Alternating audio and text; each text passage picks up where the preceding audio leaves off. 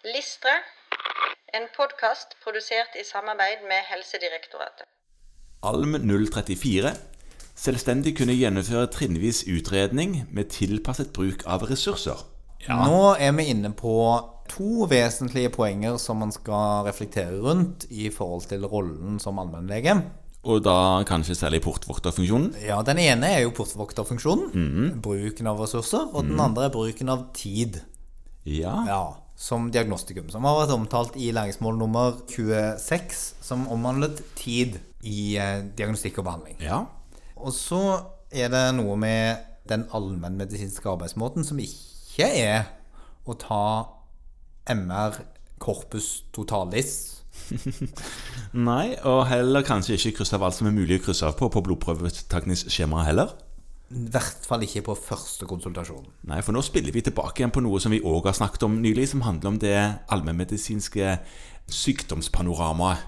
Ja, Ja, og det betyr jo at man, hvis man tar prøver som man i utgangspunktet tenker at dette vil ikke slå ut på denne pasienten, så er risikoen for falske positive prøvelser veldig høy. Ja, da må vi tilbake igjen til statistikken med pretest, sannsynlighet og sensitivitet og spesifisitet.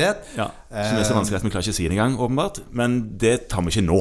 Nei. Nei. Så det dette læringsmålet sier at vi skal kunne når man er ferdig spesialist i allmennmedisin, Mhm. Ja. er å fortløpende vurdere hva som er relevante undersøkelser, og gjøre de i en sånn trappetrinnsmodell. Altså ja, vi prøver først noe grunnleggende nå, og så hvis Mhm. vi ikke finner noen ting der, eller hvis vi da får en indikasjon på hvor vi skal gå videre, så bestiller vi bilder. Ja. Og så bestiller vi nye bilder, og så henviser vi eventuelt til spesialist, osv.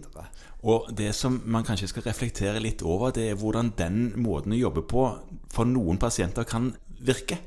For det pasienter vil jo tenke denne legen vet jo hele veien hva som er best for meg, men vi er nødt til å gå en lang, lang sti før vi havner på det som var min riktige behandling. Men sånn er det jo faktisk ikke. Nei. Vi begynner jo med det som er, har høyest treffprosent. I alle fall er det sånn vi ønsker å jobbe. Ja.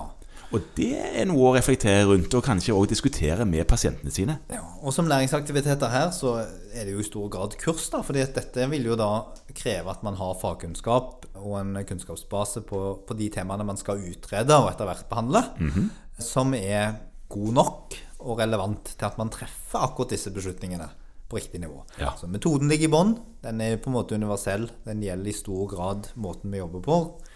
Og så må man da ha en fagspesifikk kunnskap innenfor mange områder for å på en måte kunne anvende den Ja. for den enkelte For problemstillingen. ellers så hadde du havna i den situasjonen at du hadde tatt alt alltid. Ja, ikke sant? Du må vite hva du kan finne ut med en enkeltundersøkelse innenfor dette fagfeltet.